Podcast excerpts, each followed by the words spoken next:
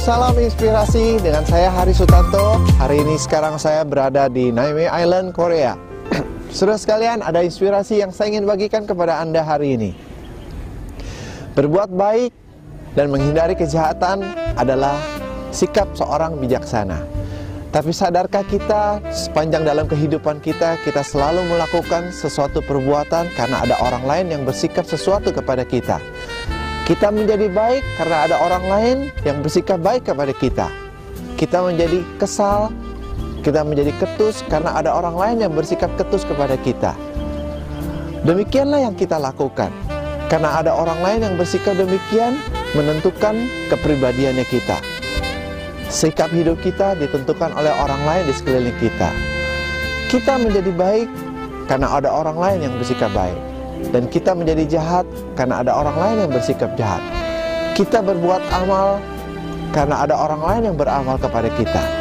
Sebetulnya semuanya itu dilakukan karena lingkungan yang menentukan kita. Kita tidak menentukan lingkungan kita sendiri. Di manakah kita dan kepribadian kita?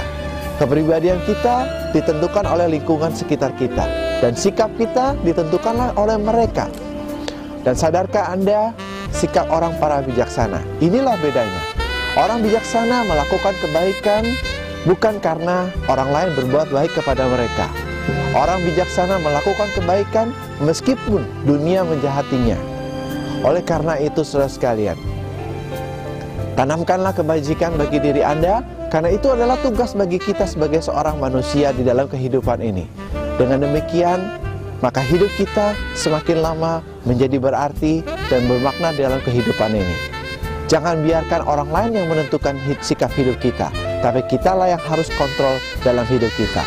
Dan jangan biarkan orang lain berbuat jahat kepada kita dan kita harus membalasnya.